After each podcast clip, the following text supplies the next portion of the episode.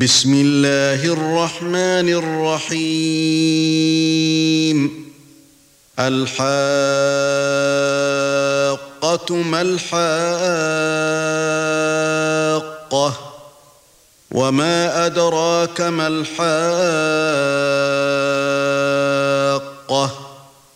كذبت ثمود وعاد بالقارعه فأما ثمود فأهلكوا بالطاغية وأما عاد فأهلكوا بريح صرصر عاتية سخرها عليهم سبع ليال وثمانية أيام حسوما فترى القوم فيها صرعا. فترى القوم فيها صرعا كأنهم أعجاز نخل خاوية. فهل ترى لهم من باقية؟ وجاء فرعون ومن قبله والمؤتفكات بالخاطئة. فعصوا رسول ربهم فأخذهم أخذة رابية. أنا لما طغى الماء حملناكم في الجاريه لنجعلها لكم تذكره وتعيها اذن واعيه فاذا نفخ في الصور نفخه واحدة وحملت الأرض والجبال فدكتا دكة واحدة فيومئذ وقعت الواقعة وانشقت السماء فهي يومئذ واهية والملك على ارجائها ويحمل عرش ربك فوقهم يومئذ ثمانية. يومئذ تعرضون لا تخفى منكم خافية. فأما من أوتي كتابه بيمينه فيقول هاؤم اقرءوا كتابيه.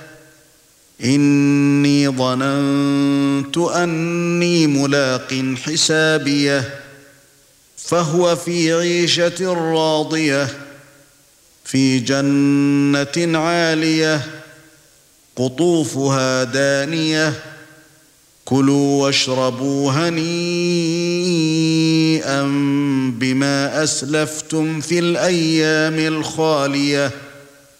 وأما من أوتي كتابه بشماله فيقول يا ليتني لم أوت كتابيه ولم أدر ما حسابيه يا ليتها كانت القاضية ما أغنى عني ماليه هلك عني سلطانيه خذوه فغلوه ثم الجحيم صلوه ثم في سلسلة ذرعها سبعون ذراعا فاسلكوه إنه كان لا يؤمن بالله العظيم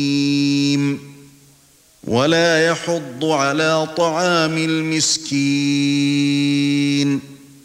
فليس له اليوم هاهنا حميم. ولا طعام إلا من غسلين. لا يأكله إلا الخاطئون. فلا أقسم بما تبصرون. وما لا تبصرون انه لقول رسول كريم وما هو بقول شاعر قليلا ما تؤمنون ولا بقول كاهن قليلا ما تذكرون تنزيل من رب العالمين. ولو تقول علينا بعض الأقاويل لأخذنا منه باليمين. ثم لقطعنا منه الوتين. فما منكم من احد عنه حاجزين وانه لتذكره للمتقين وأنا لنعلم ان منكم مكذبين وانه لحسره على الكافرين وانه لحق اليقين فسبح باسم ربك العظيم